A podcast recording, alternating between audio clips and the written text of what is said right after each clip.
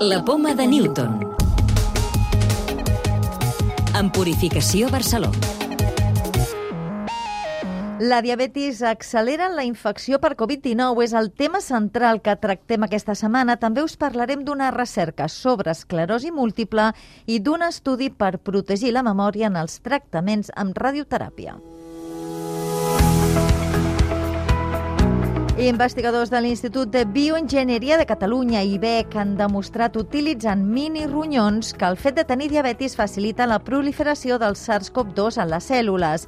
Aquests científics han estudiat la Covid-19 amb mini-ronyons que reprodueixen les característiques dels ronyons humans. Treballen en dues línies principals, provar en aquests miniòrgans fàrmacs que puguin combatre el virus i també descobrir per què hi ha malalties que afecten el ritme de la infecció. Una de les investigacions que han fet ha consistit a crear mini-ronyons diabètics i infectar-los amb el SARS-CoV-2 per veure el comportament de la infecció. Núria Montserrat és una de les responsables del projecte. En aquestes condicions que hem identificat en el laboratori que simularien una diabetes, ten tenim més porta d'entrada. En aquests organoides, en 4 a 5 dies, podem simular aquest microronyó diabètic. Quan infectem aquests microronyons diabètics, veiem més còpies virals.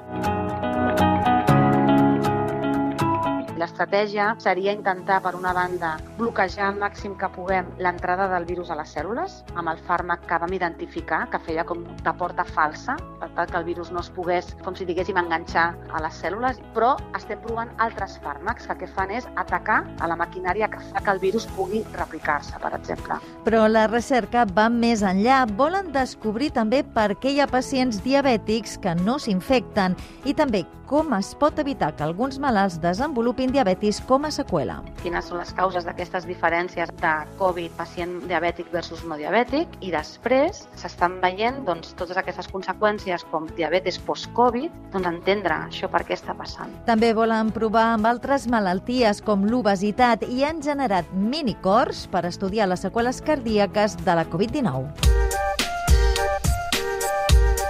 Més coses, una investigació permetrà predir l'evolució de l'esclerosi múltiple a través d'una anàlisi de sang. L'han fet a membres de l'Institut d'Investigació Biomèdica de Girona que han fet servir la informació de les marques químiques que regulen el material genètic. Jordi Tomàs ha dirigit la investigació.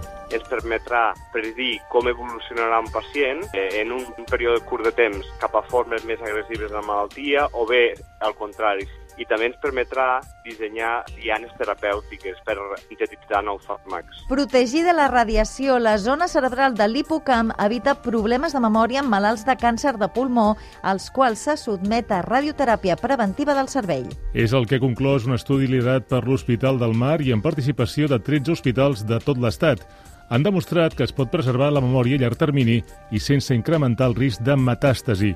Nuria Rodríguez de Dios es la responsable de la recerca. Lo que hemos visto es que el hecho de proteger el hipocampo de la dosis de radioterapia eh, preserva la función de la memoria, pero además no solo de forma inmediata, sino que aquellos los que hemos podido preservar la memoria se sigue preservando.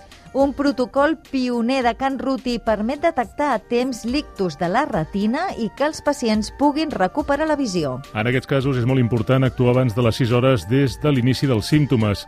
El codi Icturretina permet que diferents professionals que es coordinin per fer un tractament d'impacte i un estudi dels pacients per evitar que acabin perdent la vista. Llibres de ciència. Aquesta setmana recomanem una obra que analitza el que va significar la gran epidèmia de grip del segle passat. La gran grip de John Barry de l'editorial Captain Swing és una acurada descripció de les repercussions d'una infecció que va matar més que la sida en 24 anys o que la pesta en tot el segle. Però és també una història d'una grip diferent i de com la ciència es va moure per lluitar contra un patogen totalment nou en aquell moment.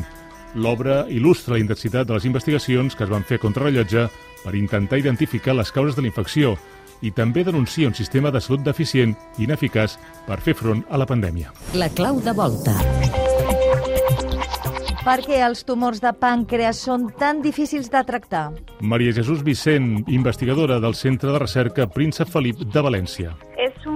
Tumor que corris diverses coses a la vegada. Primer, que no té uns símptomes molt clars i, per tant, se diagnostica, normalment se diagnostica molt tard i se diagnostica quan, quan està en estadios ja que no són operables i és un tumor que creix de forma molt agressiva i, i, i molt ràpidament, que és molt difícil de que les fàrmacs entren i maten les cèl·lules tumorals.